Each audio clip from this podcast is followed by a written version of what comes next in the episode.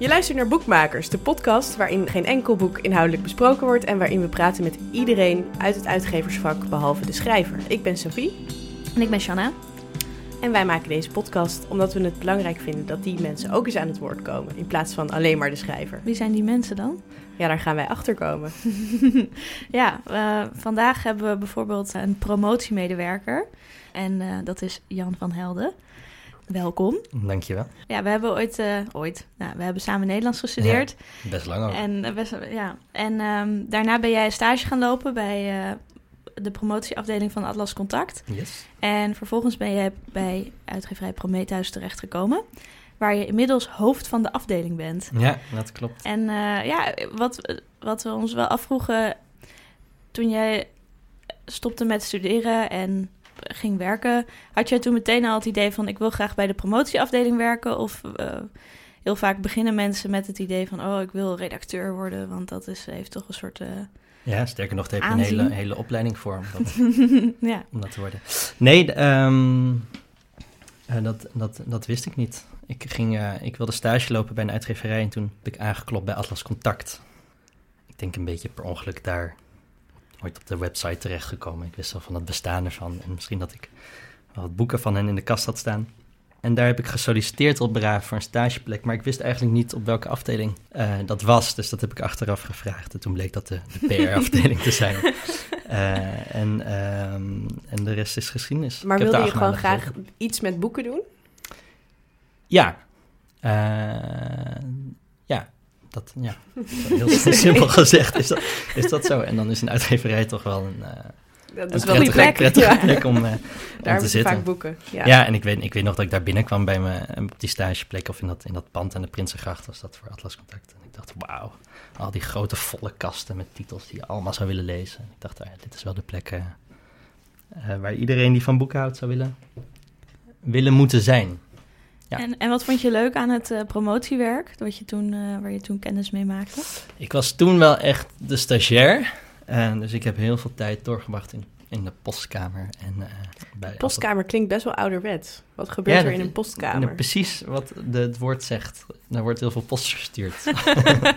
en er wordt ook post ontvangen. En dat wordt dan weer verdeeld over de mensen die er, eh, eh, die er werken. Ja, het is, eh, het is de plek waar eh, alle boeken of eh, promotiemateriaal of eh, ja, alles dat de deur uit moet eh, verzameld wordt en opgestuurd wordt, ingepakt wordt. Ja, want als een nieuw, een nieuw boek verschijnt, is het heel gebruikelijk om dus dan even naar ja, alle. Tenminste, ik denk dat uitgeverijen een beetje verschillen per aanpak. Sommige mensen, uitgeverijen sturen vol- volgens mij voor- vooral op aanvraag naar de pers. Maar sowieso wordt het eigenlijk altijd ieder boek wel naar allemaal grote kranten gestuurd of Ja, naar belangrijke. Ja. Eh, programma's. Dus Ja. er, er wordt En dat is dan weer heel sneu voor al die kranten. Want ik zag laatst ook weer een foto langskomen van zo'n bureau. Volgens mij was het het Parool of de Volkskrant. En dan staat er zo'n twee meter hoge stapel. En dat is dan de, de vangst van één dag. Vind je dat sneu? Ik vind dat eh, sneu voor mezelf, omdat ik weet dat er dan ook boeken van mij tussen liggen. en voor onze auteurs, dan denk ik, ah shit, er is dan zo ontzettend veel. Waar die eh, boekenchefs en redacteuren doorheen moeten ploeteren. Dat dat En hoe zorg je er dan voor dat ze, dat ze jouw boek uit de stapel pakken? Ehm, ja, dat, dat plan je, als het goed is, eigenlijk zo ver mogelijk van tevoren. Je stuurt in principe niet zomaar een boek naar redactie toe in de hoop dat er dan uiteindelijk, kijk, dat is natuurlijk wel de hoop dat het opgepakt wordt en dat er uiteindelijk iets moois voor verschijnt. Maar dat zaadje wordt al heel vroeg geplant eh, op het moment dat de aanbiedingsfolder klaar is en dat, dat zij weten welke boeken er bij ons gaan verschijnen voor een bepaalde periode. Dat zijn er bij ons dan drie per jaar bij Prometheus. Drie aanbiedingen. Drie Eh, boeken. Daar hebben we het nog wel over. Ehm, en dan heb je het al over die titels. Dus in principe moeten zij ook wel weten dat het eraan komt. Ja. En dat het ertussen Maar stuur je dan ook persoonlijke briefjes mee van... Ik vind dit echt een boek voor jou. En nee, dat probeer ik wel te voorkomen. Ik zie wel eens mensen die dat doen. En dan waarom waarom zou je dat voorkomen? Ten eerste het tijdgebrek, denk ik, om voor alle titels die we uitgeven, om, eh, om een persoonlijk briefje te schrijven naar al die mensen die er iets mee zouden kunnen doen. En ehm, nou, weet, weet ik eigenlijk niet. Soms doe ik het wel hoor. Soms, soms probeer je een beetje buiten de gangbare eh, mensen, een beetje de- buiten de usual suspects om, probeer Mhm. je eh, een boek ergens terecht te krijgen. En dan is het wel logischer om er iets van een briefje of een blaadje bij te doen. Dat, je, Maar dat het het is niet helemaal out of the blue is. natuurlijk. Bedoel je misschien ook vooral van dat je het niet wil doen als je het niet meent of zo? Als in je wil natuurlijk niet Ja, over ja. ieder boek, oh, dit is echt iets voor jou schrijven. en want je is- wil wel dat Ja. mensen, als je dat dan stuurt, dat ze denken, oh, hij heeft er echt goed over nagedacht. En waarschijnlijk is dit dan echt iets voor mij. En ik moet, moet dan wel bekennen dat, kijk, in het tempo waarin, waarin wij werken en waarin wij dingen uitsturen, dat het. Dat, dat, je kan dat dan niet altijd doen. En dan, en dan zeker voor ons voelt dat dan heel onoprecht. Ja, Als je een paar boeken per jaar uitgeeft en voor die aantal recent of boekenchefs of redacteuren die het dan krijgen en je hebt een persoonlijk briefje bij. Ja, Ja, want wel de eh, jullie, er komen echt heel veel boeken uit bij Prometheus. ja Ehm, en we hebben ook gesproken met eh, de uitgever van de correspondent. Daar, daar verschijnen weinig boeken. vier per jaar. Ja, precies. Dat, dat lijkt me toch wel even anders werken. Dat lijkt me heel anders werken. En moet ik, moet ik wel eerlijk bekennen dat ik dus nooit bij de correspondent heb gewerkt. Dus ik weet ook niet waar. Of hoe ze dat daar dan precies aanpakken. En Atlas Contact, waar ik zat, eh, is ook een hele grote uitgeverij. Dus qua aantal titels hebben wij bij Prometheus, denk ik, misschien wel het meeste in Nederland. Ik weet niet of dat klopt. Het zou zomaar kunnen. En hoe zou je dan Prometheus typeren in het, in het uitgeversveld? Ehm, ik denk dat Prometheus de meest brutale en onafhankelijke eh, uitgeverij is in misschien wel de hele boekenwereld. En waar ik. blijkt dat dan uit? Dat blijkt uit ehm, de titels die we uitgeven en het spectrum waarin wij titels uitgeven. Van hoge literatuur tot, eh, tot, tot, tot eh, historische werken, non-fictie, eh, boeken die we met Instagrammers maken, kookboeken, kinderboeken. Dus de durf om, om veel uit te geven en ook niet om wel kritisch te zijn, maar ook om, om, om dingen te proberen. Dat bedoel ik dan ook een beetje met brutaliteit. Dus in de boeken, ik denk ook aan de mensen die er werken, en het klein team dat we hebben. En Ja, kun je En- misschien iets meer vertellen over hoe de, hoe de uitgeverij in elkaar steekt? Wat zijn de rollen, of de- gewoon grofweg? En hoe verhoud jij je dan tot die... er Eh, zijn, eh, er is eh, één directeur-uitgever, dat is Mike Spijkers, die is 30 jaar directeur van Prometheus. Hij heeft ook Prometheus opgericht. Ja. Exact. Ehm, dat is de directeur-uitgever en daaronder hebben we ehm, een hoofdredacteur, een hoofdverkoop en een hoofdpubliciteit. En dan heb je eigenlijk vergelijkbaar met andere uitgeverijen, heb je alle afdelingen waar ook mensen zitten. dus je hebt, een, eh, dus je hebt dus een, een publiciteitsafdeling, een verkoopafdeling, een redactie, een productieafdeling waar de boeken fysiek gemaakt worden of ontworpen worden en worden uitgezet naar de drukker, en bureauredactie te zorgen dat er geen fouten in staan. En dan heb je natuurlijk nog alle mensen die al helemaal achter de schermen werken, die de administratie doen en bij de receptie werken of die eh, eh, bij presentaties werken. En, eh, dat, is, dat is samen het team. En Prometheus heeft een klein team met heel veel boeken. Ik denk dat we met 25 mensen zitten. En elke afdeling heeft, eh, als het goed is, een stagiair. En heb je dan ook heel veel contact ook onderling, zeg maar, met andere afdelingen? Ja, ehm, en ik denk dat dat wel de luxe is voor mij eh, op de publiciteitsafdeling. Dat we echt eh, samen met de verkoopafdeling het laatste stadium zijn in het hele proces van een boek. Van het moment dat het... eh, Dus iedereen komt uiteindelijk bij jou terecht. Ja, en dat is, dat is leuk en soms ook heel lastig. dat je die verantwoordelijkheid hebt. Nee, vanaf, kijk, vanaf het moment dat een boek bedacht wordt... of dat een eh, auteur een boek bedacht heeft of instuurt... weet je, dat kan op allerlei manieren kan, kan een boek tot stand komen natuurlijk. Ja, want wanneer kom jij in het proces erbij? Ja, he- helemaal aan het eind. Ja. Dus niet aan het begin.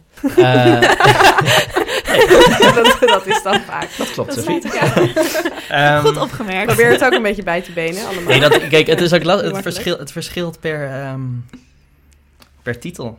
En bij, bij, bij elk, eh, er zijn talloze eh, voorbeelden te noemen waar ik aan het eind inderdaad aansluit. En eh, waarschijnlijk ook wel weer talloze tegenvoorbeelden waar ik ook bij het begin betrokken was. En dat boeken die, eh, ik werk er nu 3,5 jaar, die misschien twee jaar geleden bedacht zijn. En dan nu eindelijk komen, dat ik er wel in het eerste proces er ook bij zat van... hé, hey, hoe gaan we dit tegen die tijd aanpakken? En is dat dan, als je er dus wel vanaf het begin bij bent, zijn dat dan andersoortige boeken? Of zijn dat boeken waarvan je al denkt, dat kan wel eens eh, heel groot worden? Of dat, of Ja, dat is, dat is denk ik het belangrijkste verschil. Dus als je inderdaad heel, heel vroeg, in een heel vroeg stadium erbij bent, dan zijn dat vaak ook wel de titels waar, eh, ja, waar, waar veel van afhangt, om het zo maar te zeggen. Dus waar je, waar je gewoon echt waar fel, ja, ver van tevoren wil je dan de neus de goede kant op hebben. En denk, oh ja, dit gaan we op deze manier. Het blijft niet heel abstract op deze manier, maar eh, dat, dat klopt wel. Ja, Maar dat is niet altijd zo trouwens, want soms word ik ook gebeld door een, door een auteur die misschien in het najaar 2020 een, eh, een wat nicher historisch boek uitgeeft. Maar dan wel alvast even wil hebben over Hoe gaat dat dan? hoe gaat Ja. dat dan? En dat is zo fijn van jullie podcast, is dat er zijn ook heel veel auteurs die helemaal niet weten wie er, wie er achter de schermen werkt voor zo'n boek. En voor auteurs kan dat ook heel verwarrend zijn, dat ze dan met eh, zes, zeven, acht verschillende namen te maken krijgen vanaf het moment dat ze zo'n manu- manuscript hebben ingeleverd. Ja, dat er een soort machine begint te werken. Ja, Ja. ja. En Ja, dat iedereen zijn het- eigen rol daarin heeft. Misschien is het goed om even nog een stapje terug te doen. Want het zou zomaar kunnen dat er misschien mensen luisteren die eigenlijk überhaupt geen idee hebben wat een promotiemedewerker nou precies doet of wat dat inhoudt. Ja. Dus we dachten, we proberen vandaag een nieuw rubriekje uit. Namelijk, wat, wat doe je eigenlijk Op een dag. op een dag? Hoe laat sta je op? Vanaf Wat eet je? ja. Ik ben een eh, slechte, slechte ochtendmens. Ik, eh, ik sta heel laat op en ik eh ontbijt, ontbijt heel vlug. En dan eh, stap ik op de fiets en dan race ik naar werk. Dat begint om 9 uur 's ochtends. En ik heb daar gewoon mijn bureautje samen met mijn collega. En eh, we hebben ook altijd wel een oproepkracht en een stagiair. Dus in principe als wij vol bezet zijn bij publiciteit zijn we met z'n viertjes. Elke dag is anders in afspraken die je hebt en een mailbox die vol loopt en telefoontjes die je binnenkrijgt, telefoontjes die je zelf maakt, presentaties die er kunnen zijn, auteursbezoeken. Goed, dat, misschien dat we hier allemaal nog op, eh, op terugkomen, maar in principe heb ik een eh, hele brave kantoorbaan, behalve dat elke dag anders kan zijn, omdat er Mhm. altijd wel wat gaande is.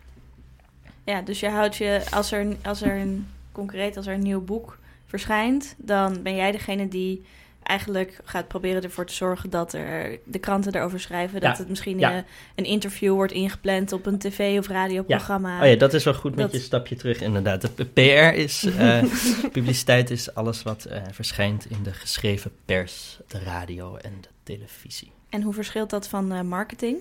Eh, heel bot gezegd is marketing vaak betaalde publiciteit en is PR in principe niet betaald. Ja. Je betaalt niet voor je eh, kranteninterviews of voor je... Je koopt geen recensenten om. Eh, dat zal ongetwijfeld gebeuren, maar nee, dat, nee, dat doen we niet. Nee. Doe jij verder geen uitspraak over? Daar doe ik zeker geen uitspraak over.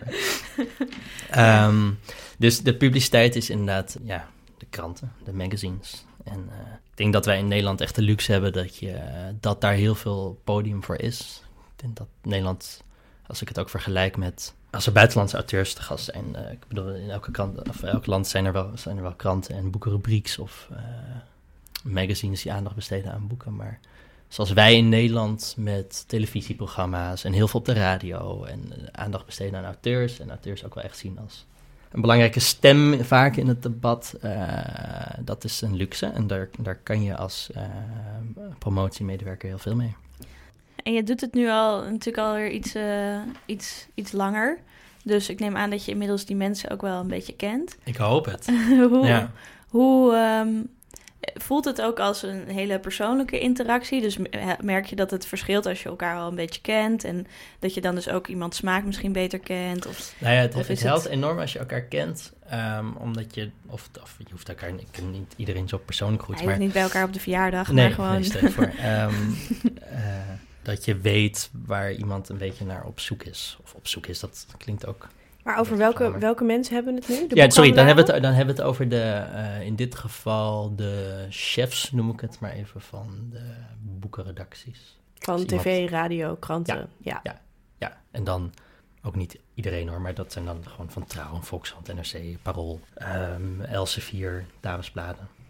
Ehm, dus dan, dan, je, zit dan, eh, je zit dan aan tafel en dan neem je die titels door. En kijk, in principe weet ik inmiddels ook wel een beetje van, van die personen. Wat ze, wat ze leuk vinden en wat ze ook absoluut niet leuk vinden. En dat hoeft dat niet eens persoonlijke voorkeur te zijn van diegene, maar ook een beetje wat er past bij een krant of een blad. En moet je dan ook echt eh, titels verkopen aan hun? Dat je zegt, ja, maar dit is een debutant en daar moet je Ja. echt nu dat- aandacht ja. aan besteden. Ja, ja het, klinkt, het klinkt heel flauw, hè? Ja, Ja. nou nee, nee, helemaal niet. Nou, het, het klinkt, Klinkt moeilijk. Het, ja, het klinkt misschien eh, als ik, als ik het zelf zo hoor, dat het van iemand anders zo hoor, klinkt heel ongeloofwaardig om elke keer maar weer te zeggen van hé, hey, dit is het debuut van het jaar. Of dit is de thriller van de eeuw. En dan denk Maar ik, ja, weet maar zeg- alsof zeg ik alle je thrillers dat? heb gelezen. Maar, Eh, nee, maar dat staat vaak dan wel Ja. in grote kreten natuurlijk daar dan Ja. bij. Maar je moet er een verhaal omheen hebben en waarom het voor diegene interessant is. En wat ik vaak probeer te doen is om al te verzinnen wie er dan bij de krant mee aan de slag zou kunnen gaan of voor wie het dan leuk is. En eh, kijk, heel vaak is het in zo'n vroeg stadium dat er nog geen tekst is van het boek. En dat je zegt, oké, nou goed, zorg in ieder geval dat je op tijd toegestuurd krijgt. Ja, en als je dan bij zo iemand zit, heb je dan ook wel eens, of tenminste, het kan niet anders dan dat je ook wel eens een boek hebt gehad waar je, waar je zelf, wat je zelf misschien niet super goed vond of waar je niet zoveel mee had.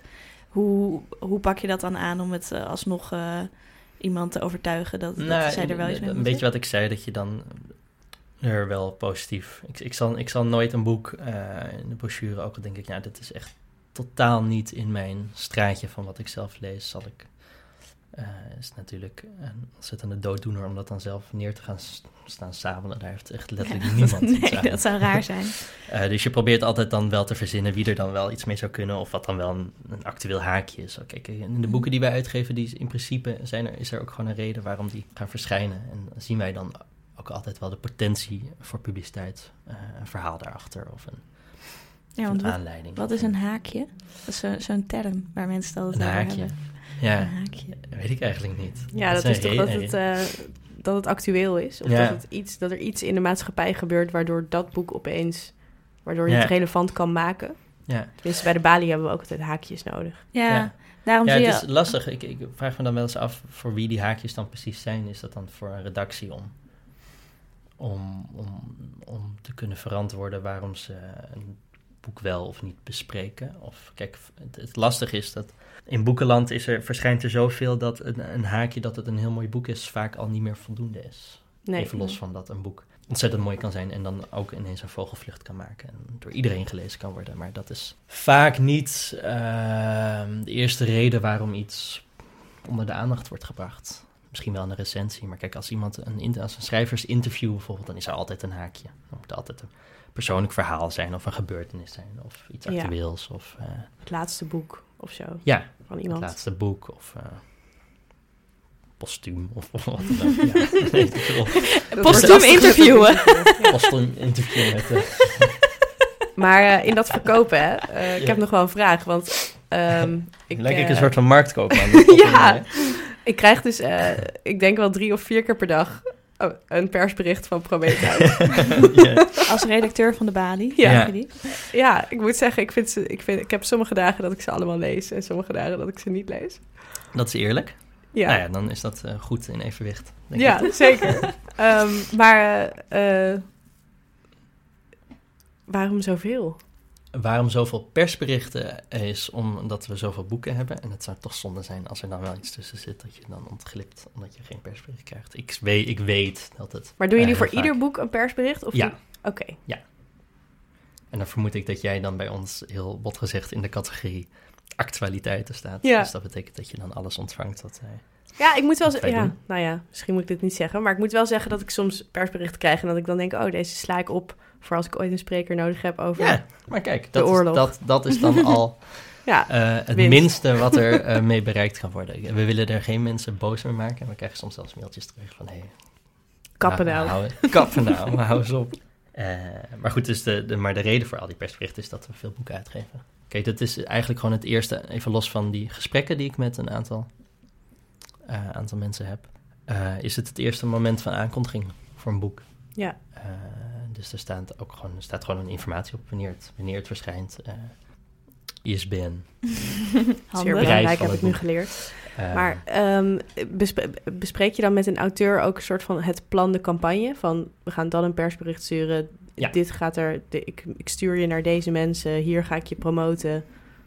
Ja, dat is wel het, wel in principe idealiter wat je doet. Je probeert ver van tevoren voordat het boek er is. Ik denk, nou, wat het zijn, anderhalve maand. Ik weet niet of jullie dat ver van tevoren vinden. Maar zit je in ieder geval met de auteur eh, om te bespreken wat je gaat doen. Om jezelf te introduceren, wat ik zeg. Dus ook om te laten zien, hey, ik ben jouw aanspreekpunt voor deze punten. En eh, ik denk dat een maand voor verschijnen een beetje onze eerste st- startschot is met het versturen van een eerste persbericht. En vaak ook een tweede proef. Een tweede proef is dan de tekst al van het boek, wat wel nog een aantal correctieronden doorgaat. Eh, maar in principe schoon genoeg is om al eh, gelezen te worden. In de hoop dat natuurlijk recensenten eh, rond de verschijningsdatum er al gelijk iets mee kunnen doen. En dan is er nog een tweede ronde, om het zo maar te zeggen. Dat is zodra het boek van de drukker is. En dan heb je het fysieke boek dat naar de recensenten gaat en nog een persbericht. Dus dan krijg jij het weer En dan komt het bij mij terecht. ja. Ja. ja.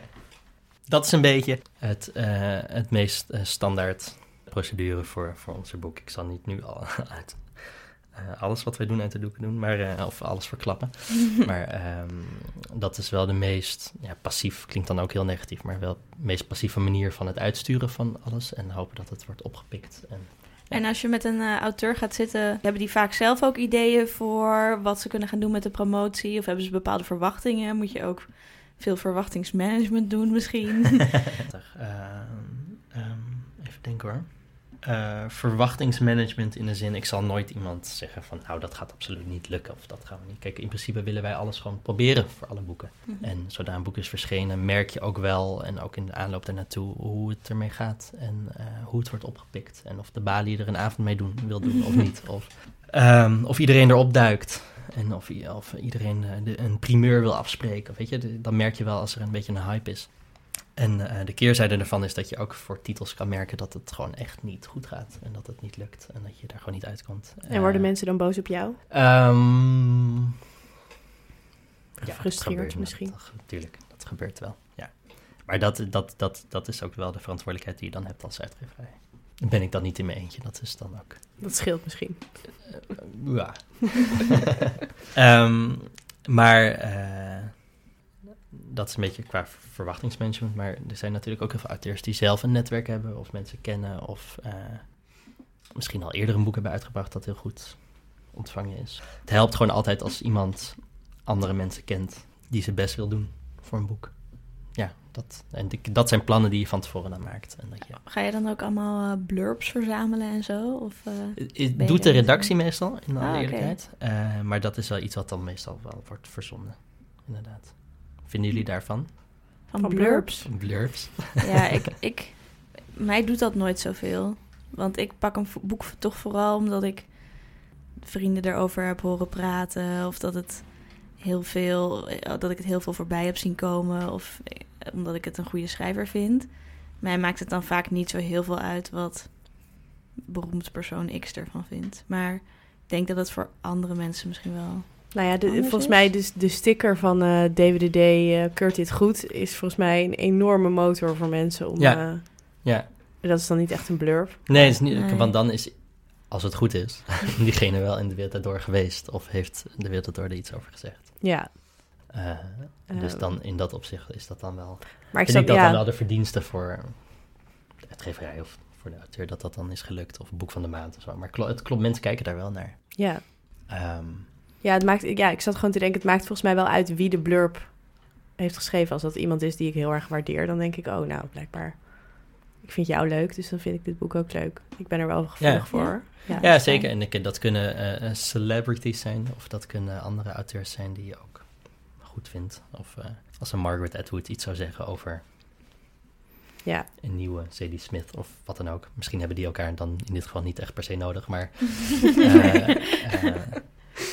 eh, iconisch dan, duo. dan helpt dat, omdat je dan, dan, dan voelt dat toch als een soort van zegen voor ja, dat een boek. soort goedkeuring. Ja, En dat jullie zullen hetzelfde hebben als jonge, hippe mensen. Dat er zoveel te lezen is dat je dan in ieder geval... Het al- altijd wel fijn is als je van tevoren een beetje weet van... Oh ja, dit is dan qua verwachtingspatroon is dit wel... eh, wordt dit waarschijnlijk heel goed. Ja. Shanna kijkt me heel...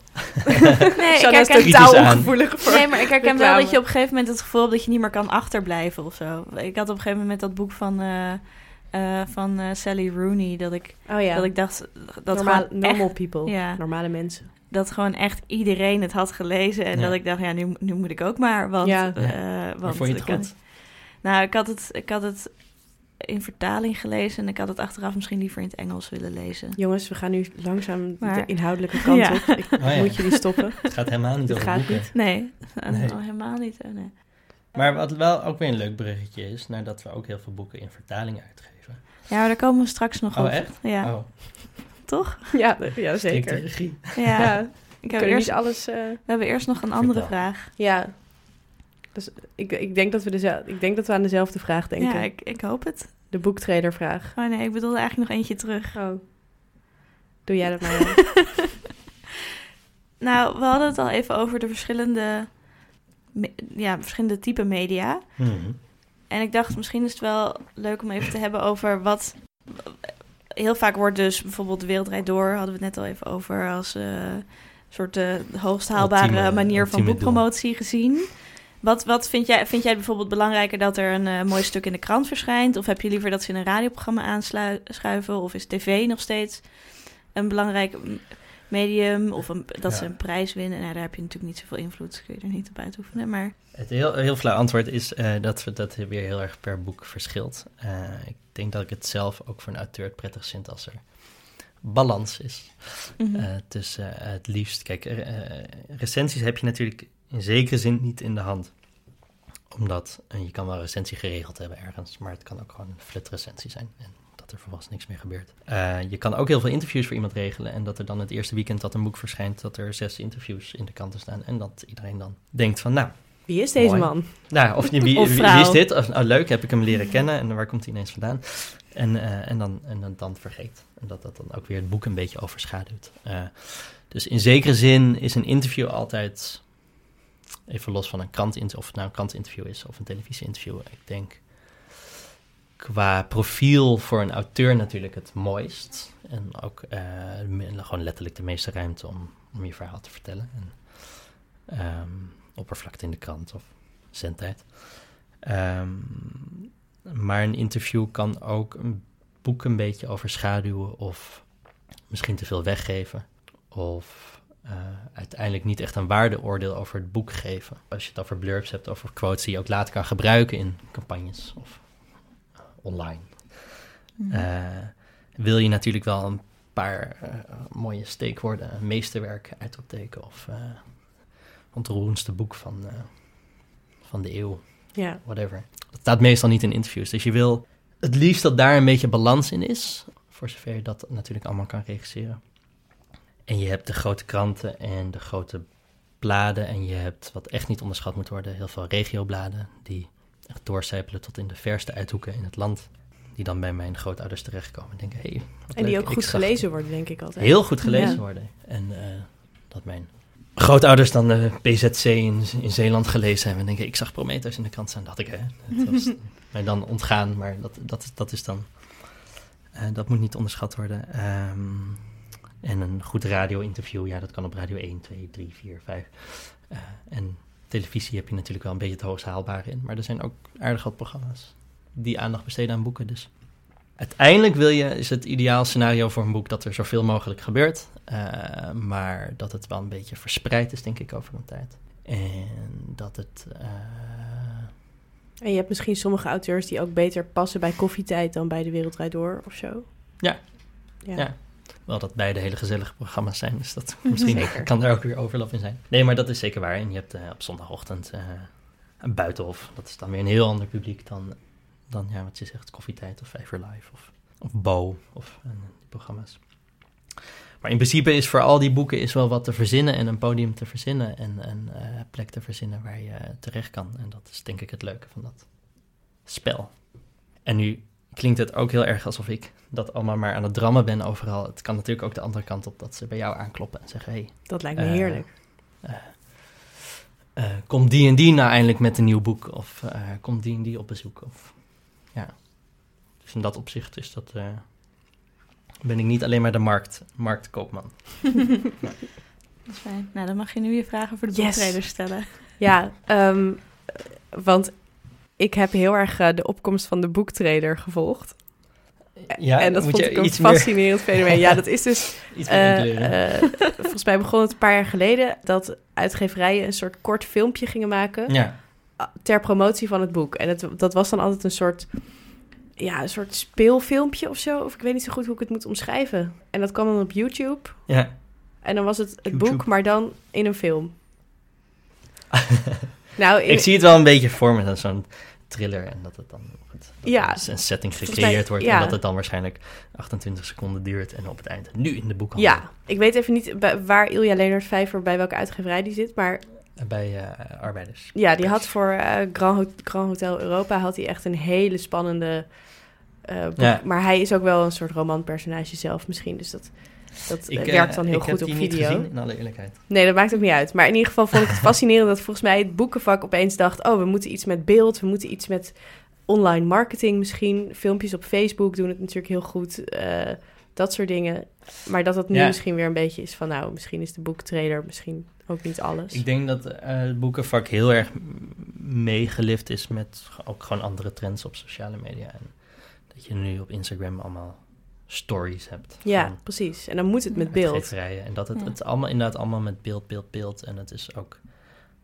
Ik betrap mezelf daar ook op. Als ik naar een boekhandel ga, heb ik meest... Nou, soms heb ik wel echt een idee van... Oké, dit wil ik gaan kopen. Maar vaak loop je langs de kasten en de tafels. En dan zie je ook dingen die je herkent. Van, oh ja, die heb ik Dat omslag heb ik al gezien. Ja. Ja. ja. dat omslag heb ik gezien. Dus het is heel, heel eh, beeldend allemaal, visueel. En eh, vaak eh uitgeverij denk ik steeds meer. Maar goed, het is niet dat ik er een eeuwigheid al werk.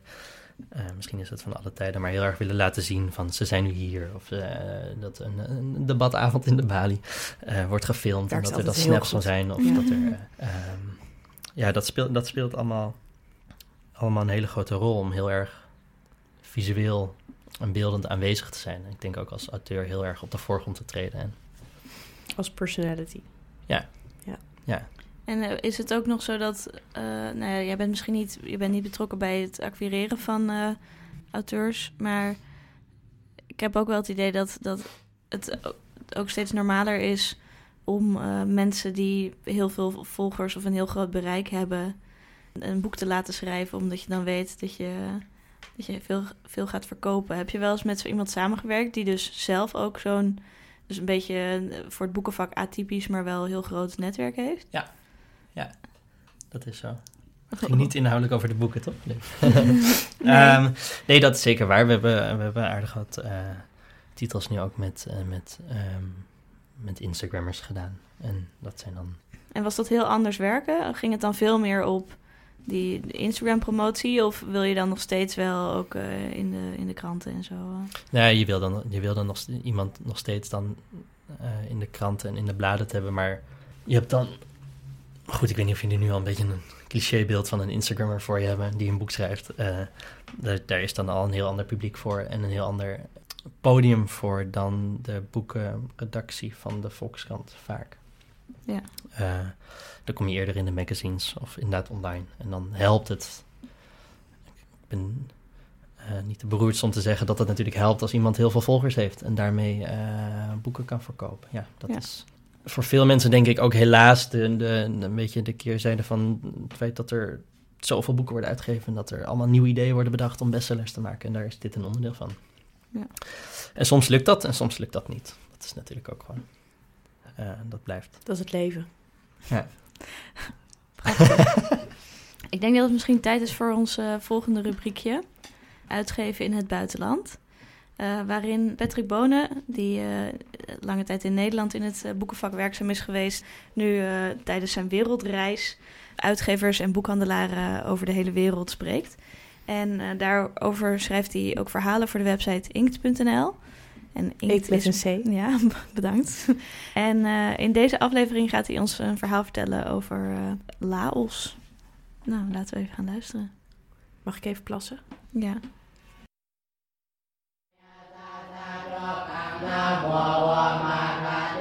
In Nederland is het promoten van een boek een koud kunstje. Ik weet dat het een gevaarlijk statement is, zeker als de gast van deze aflevering dagelijks hard werkt om boeken te promoten. Hij weet tenslotte als geen ander dat het niet zo simpel is. De concurrentie is moordend, de media kritisch, de boekhandel moet keuzes maken en de lezer, tja, de lezer. Die haalt zijn verhalen tegenwoordig net zo lief van Netflix. Of luistert misschien zelfs een podcast over hoe je een boek maakt in plaats van dat hij of zij een boek leest. De reden dat ik zeg dat het een koud kunstje is, komt door mijn bezoek aan het land Laos. Ik ging langs bij een uitgeverij genaamd Big Brother Mouse en belandde in een verhaal over een uitgever, een monnik en een leraar die samen aan een avontuur begonnen waar het belangrijkste woord van vandaag centraal stond: promotie. In 2003 bezoekt de Amerikaanse uitgever Sasha het Aziatische land en het valt hem op dat niemand leest. Mensen lezen hier gewoon niet, wordt hem verteld. Samen met de Laotiaanse leraar Sifone en een monnik genaamd Kamla wil hij daar verandering in brengen. Met drie tweedehands computers beginnen ze aan een uitgevenavontuur. Er is echter één probleempje. Er zijn geen auteurs. En oh ja, een drukkerij is er ook niet. Bij gebrek aan beter schrijven, illustreren en printen ze zelf boeken. En dan komt het allermoeilijkste nog. De promotie dus. Want aan wie ga je boeken verkopen als niemand leest?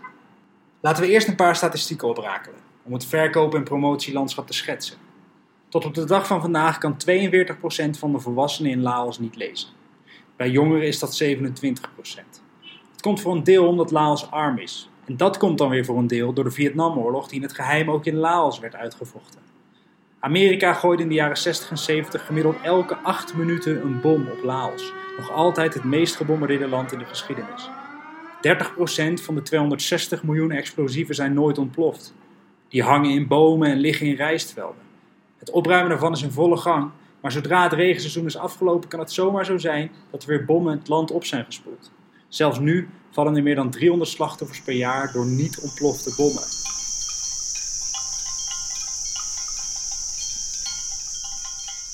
Ik hoor je denken, wat heeft dat nou met boekpromotie te maken? Het probleem is de armoede. Boeren kunnen hun land niet gebruiken, verdienen geen geld en kinderen worden thuis in het werk gezet. Educatie blijft hopeloos achter. Arme gezinnen blijven arm door die explosieven. Jongeren worden nooit opgeleid en worden daarom nooit lezers. Het is kiezen tussen lezen en eten op je bord. En dan wordt je doelgroep ineens wel heel erg beperkt. Dan heb ik het nog niet over overheidscensuur en het feit dat er überhaupt geen commerciële of distributieinfrastructuur is. Wat Big Brother Mouse doet is uitdagender dan wat wij in Nederland doen. In plaats van contact opnemen met media en boekhandels, zijn ze genoodzaakt om zelf met een busje gevuld met boeken het land in te rijden. In kleine dorpen, soms midden in de jungle, organiseren ze boekfestivals. Kinderen tot een leeftijd van 10 jaar zien soms voor het eerst boeken. Ze bevoorraden bibliotheken, vaak op eigen kosten, en ze zoeken en trainen nieuw talent, illustratoren en schrijvers. Misschien is boekpromotie daarom niet eens het goede woord. Leespromotie klinkt beter. Ze stimuleren lezen in de hoop dat de situatie ooit verbetert. Dankzij de uitgeverij komen kinderen in aanraking met boeken in plaats van bommen. Er gloort dus hoop aan de horizon. Ze leren het Laotiaans alfabet, lezen over het dierenrijk in Afrika of over een bange aap in Bangkok. Stimuleert creativiteit, taalvaardigheid en een breder wereldbeeld. Big Brother Mouse geeft kinderen op deze manier een kans, ondanks de moeilijke omstandigheden waarmee ze te maken hebben. Dat de uitdagingen groot zijn in Laos, zeker in vergelijking met ons goed georganiseerde boekenvak, is een understatement. Maar het is natuurlijk flauw om te gaan vergelijken en te zeggen dat het in Nederland makkelijk is. Ik weet dat het niet zo is, integendeel. Elke situatie is anders en ze hebben allemaal hun eigen moeilijkheden. De wereld is niet zwart-wit en ik kijk ook nog eens met een gekleurde bril naar alles wat ik tegenkom. Maar om afsluitend dan toch nog even een compliment te maken aan de gast van de dag. Zelfs met drie bril zie ik de boeken die ik in hotels en hostels tegenkom niet altijd in kleur. Vaker dan ik zou willen is het 50 tinten grijs. En dat, beste luisteraar, is een voorbeeld van boekpromotie op topniveau. Hoe luister jij hier naar? Jij bent ooit in uh, Laos geweest. wel, ja, wat, heb ik was jij een hele toen... onschuldige backpacker. Ja. maar Niet veel gemerkt van de leespromotie, denk ik. Um, nee, ik denk dat dat, dat misschien ook de heftigheid ervan is dat je dat als toerist op die manier niet ziet. Uh, en je eigen stapeltje boekjes en je Lonely Planet bij je hebt en daar heel Mhm. erg blij mee bent en denkt, oh ja, dat is uh, wat de rest dan ook zal doen. Maar uh, En hij beschrijft hier de obstakels om boeken of eigenlijk zelfs dus lezen te promoten uh, in Laos. Wat, wat zijn naar jouw idee de ja, soort obstakels die je hebt als je in Nederland een boek wil promoten? Misschien eerder dat er te veel boeken zijn dan dat er te weinig zijn, stel ik me zo voor. Ja, ik wil ook niet te veel vergelijken met die situatie in, nee. in Laos zoals hij het dan nu schetst. Uh, of uh, op een manier uh, nu willen laten zien dat het bij ons dan allemaal heel moeilijk en zielig is. Wij maar, hebben ook problemen. we hebben ook problemen, nee. Dat is natuurlijk niet de bedoeling. Maar um, ja, dat, het, dat de concurrentie moordend is, zoals dat dan heet. Uh, dat er onwijs veel boeken worden uitgegeven. En, en vaak ook gewoon met een hele goede reden. Dus dat, dat dan de frustratie is dat je denkt van, hé, maar waarom doen ze hier dan niks mee? En waarom slaat dit verhaal niet aan? En een boek kan onwijs veel promotie hebben en alsnog niks verkopen. En een boek kan ook geen promotie hebben of publiciteit hebben, hoewel publiciteit vaak wel helpt. En heel veel verkopen. Dus uiteindelijk is het ook heel moeilijk om nou echt te weten waar het succes van een boek vandaan komt. Even los van dat je natuurlijk wel kan zien van, oh ja, dit, dit heeft heel duidelijk effect gehad. Maar van succesformule is er natuurlijk uiteindelijk niet. Nee, je, je, je kan, uh, heel makkelijk gezegd, als er een vijfballen NRC-recensie is geweest, kan je heel vaak die maandag erop merken dat boekhandelaren dan aankloppen en zeggen, hey, doe er nog maar twintig of dertig. Oh ja. Dus dat en, en, en de wereldtijd doorgoed, daar hebben we het heel veel over gehad, daar, dat, daar, zie je, daar merk je dat ook van. Uh, maar het is nooit een garantie voor dat het dan ook een onverbiddelijke bestseller uh, wordt, natuurlijk. Nee. Wat wel een onverbiddelijke bestseller was, was 50 20 prijs ja, natuurlijk. Ja, uh, daar kan ik me volledig van distancieren in de zin van dat het vlak voor mijn tijd was dat ik er, dat ik er werkte. Oh, vlak voor? Ik dacht dat het... Nou, in de zin van het... Um, dus, Oké, okay, dat klopt niet helemaal. Want het is vorig jaar een nieuw boek van E.L. James verschenen, wat los van die serie is. En uh, de nasleep van dat boek, in de zin van het wordt gewoon nog steeds verkocht, is er natuurlijk, uh, natuurlijk wel.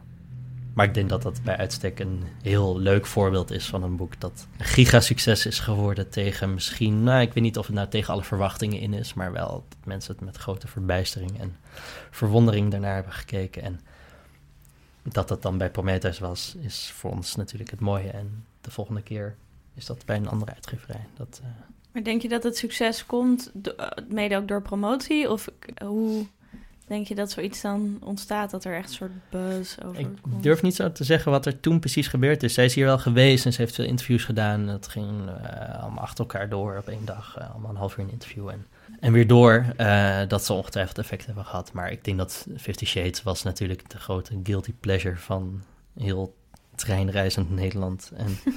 Uh, dat is bij uitstek een boek dat met mond-op-mond reclame zich letterlijk doorgeluld heeft. Ja, jullie ja. hadden een tijdje geleden ook Fire and Fury. Volgens ja. mij was dat ook zo'n... Uh... Ja, um, en, dat, en dat, dat is het boek van Michael Wolff over, over Donald Trump. Een van de eerdere boeken over zijn administration. Nu verschijnen er constant heel boeken. veel ja. boeken over Donald Trump. En, en, dat, en dat was vanuit Amerika wel echt, de hype was wel overgevlogen. Oké, okay, dit is het boek dat Trump misschien ten val gaat brengen. En dit is een en al schande en, en ophef gaat het worden. En dat was het ook. En dat is, nee, goed, dan is dat heel erg, nou, dat is dan wel denk ik publiciteit geweest, dat dat dan overgewaaid is naar ons aan de andere kant. Mensen hadden het er wel over en dan heb je een hele korte piek waarin dat dan heel erg veel verkocht wordt. Mhm. En op een gegeven moment gaan mensen weer door met hun baantjes en een mooi leven. Merk je dat het dan ook nog wel een beetje doorloopt? Of is het echt vooral die piek en dan daarna uh, Um, einde? Of zijn er nog manieren waarop je het dan alsnog weer onder de aandacht kan brengen? Of is dat dan heel moeilijk? In het geval van buitenlandse auteurs kan je het dan heel erg weer opnieuw onder de aandacht brengen uh, als iemand dan weer langskomt. Of weer langskomt als iemand langskomt en een bezoek maakt en dan interviews doet met de Nederlandse pers. Dat is meestal in het geval van buitenlandse auteurs niet op het moment van verschijnen van het boek in het land waar het is geschreven. Want dan is diegene meestal daar. Ja. Uh, tenzij wij een boek eerder uitbrengen in, in, in het Nederlands dan in het bijvoorbeeld Engels of Frans. Dat gebeurt wel eens. Um, dus dat is wel een tweede golf die je kan hebben. En daar heb je dan wel invloed op, natuurlijk. Ja, ja want we, we, ja, we, je wilde het net al uh, noemen. Toen mocht het nog niet. Maar uh, er is dus wel ook een groot verschil, denk ik, in hoe je omgaat met de promotie van een uh, vertaling of met het, het, boek van een Nederlandse auteur. Ja. want heb jij bijvoorbeeld ook, als jij een boek in vertaling moet promoten, heb je dan ook vaak contact met die auteur? Of is het vooral dan met een agent of met een uh, redacteur? Nou, in eerste instantie is het meestal een agent en dan vrij snel kom je met de auteur zelf in contact. En dat speelt ook meestal wanneer echt iemand op bezoek komt en dan wanneer dat concreet is. Het, um, als wij een boek in vertaling uitbrengen, uh, dan kan het ook zijn dat die auteur niet meer leeft natuurlijk, maar soms blijft de auteur volledig op de achtergrond. En dan zorg je gewoon dat er hier besprekingen komen en dat er stukken komen. En dan, dan is dat dat. Dat, dat. dat kan. Dat verschilt gewoon weer per boek. Ja, ik kan dat blijven herhalen, maar dat is zo. Ehm, en, en soms zijn het auteurs die, ehm, waarvan iedereen wil dat die langskomt en dat er grote avonden georganiseerd kunnen worden en eh, grote dingen omheen eh, kunnen zijn. En soms eh, initiëren wij dat zelf. En zeggen, hey, kom langs, dan doen we een klein boekhandelstoertje en eh, wat interviews. En, eh, dus dat verschilt erg. En heb je nog een, eh, misschien een eh, leuke herinnering aan een, aan een eh, geslaagd of gezellig auteursbezoek? en het lijkt het net alsof ik ergens naar aan het vissen ben, maar ik bedoel, als in alsof Ja. ik het Dat antwoord al weet. vraag. Ik bedoel gewoon, ik dacht het is misschien Ehm, leuk om, we praten heel erg abstract nu de hele tijd. Misschien Ja, leuk om maar ook... het inhoudelijk gaat het niet over. Ehm, ik weet een van de leukste auteursverzoeken was met Paul Beatty, die voor de Sellout, de verrader, eh, de, de Man Booker won. hm. Toen nog de Man Booker Prize in 2015, zeg ik nu, of 16. En eh, die was hier en eh, dat was een ontzettend leuk bezoek. Het was een heel braaf bezoek in de zin van hij heeft een optreden gedaan ergens bij, het, eh, was bij John Adams. En interviews gedaan en is nog ergens in een boekhandel een stapeltje gaan signeren. Maar het was een... John Adams Instituut is het eh Amerikanistiek Ja. Instituut, denk ik, Ja. van Nederland. Ja. Ja. Ja, die veel Amerikaanse auteurs uitnodigen. En eh, d- dat is hij dus in 1 en 1 is 2. En, ehm, en dat, dat is gewoon, een, de- als je het hebt aan, over herinneringen, dat, dat was een onwijs leuk bezoek.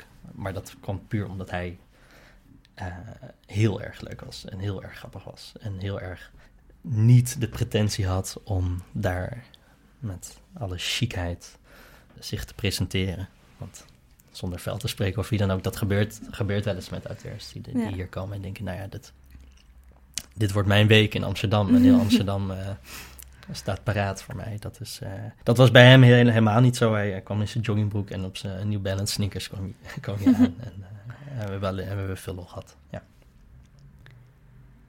Ik denk dat we dan ja, langzaam moeten gaan afronden. Mhm. Maar niet voordat we ons laatste rubriekje hebben besproken.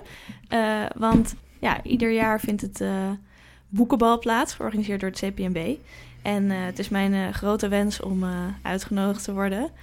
Maar, Jij bent er nooit geweest? Ik ben daar nog nooit geweest. Ik ben een paar keer wel echt dichtbij geweest. Maar het is me nog nooit, verzinnen nog nooit gegund geweest. Nou ja, Sofie is er wel eens geweest. Dus die, die kan dan... de- eh, De Bali. ja.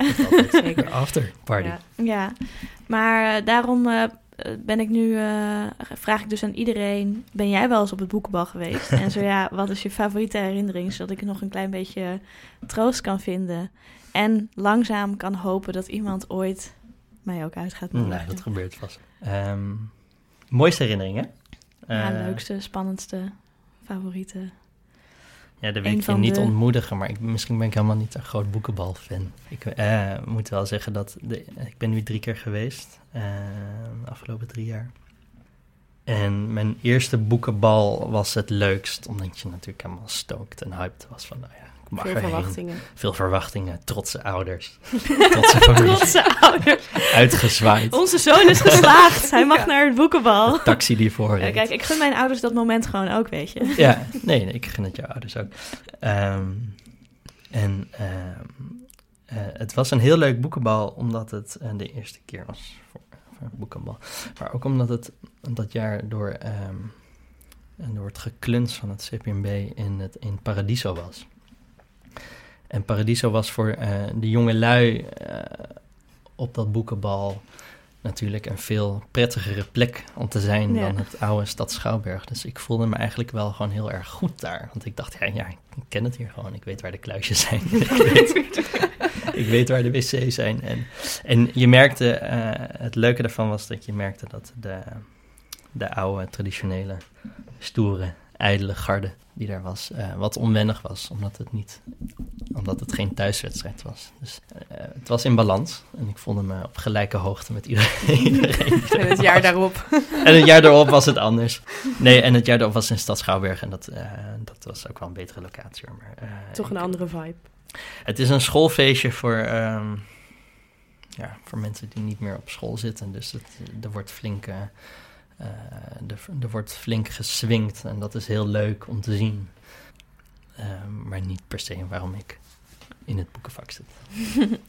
Ben je ook eh, veel mensen tegengekomen die voelde, voelde het in die zin ook als een schoolfeestje dat je de hele tijd dacht: oh, eh, oh, daar zie ik die. Het voelde precies als een en schoolfeestje. en- Alle eerstejaars in een kringetje schuifelend bij elkaar. En dan dat je dan, dat je dan de docenten ziet in de verte die dan ook een beetje aan het swingen zijn. Dat je denkt, oh ja, leuk, dat zijn dan ook gewoon mensen.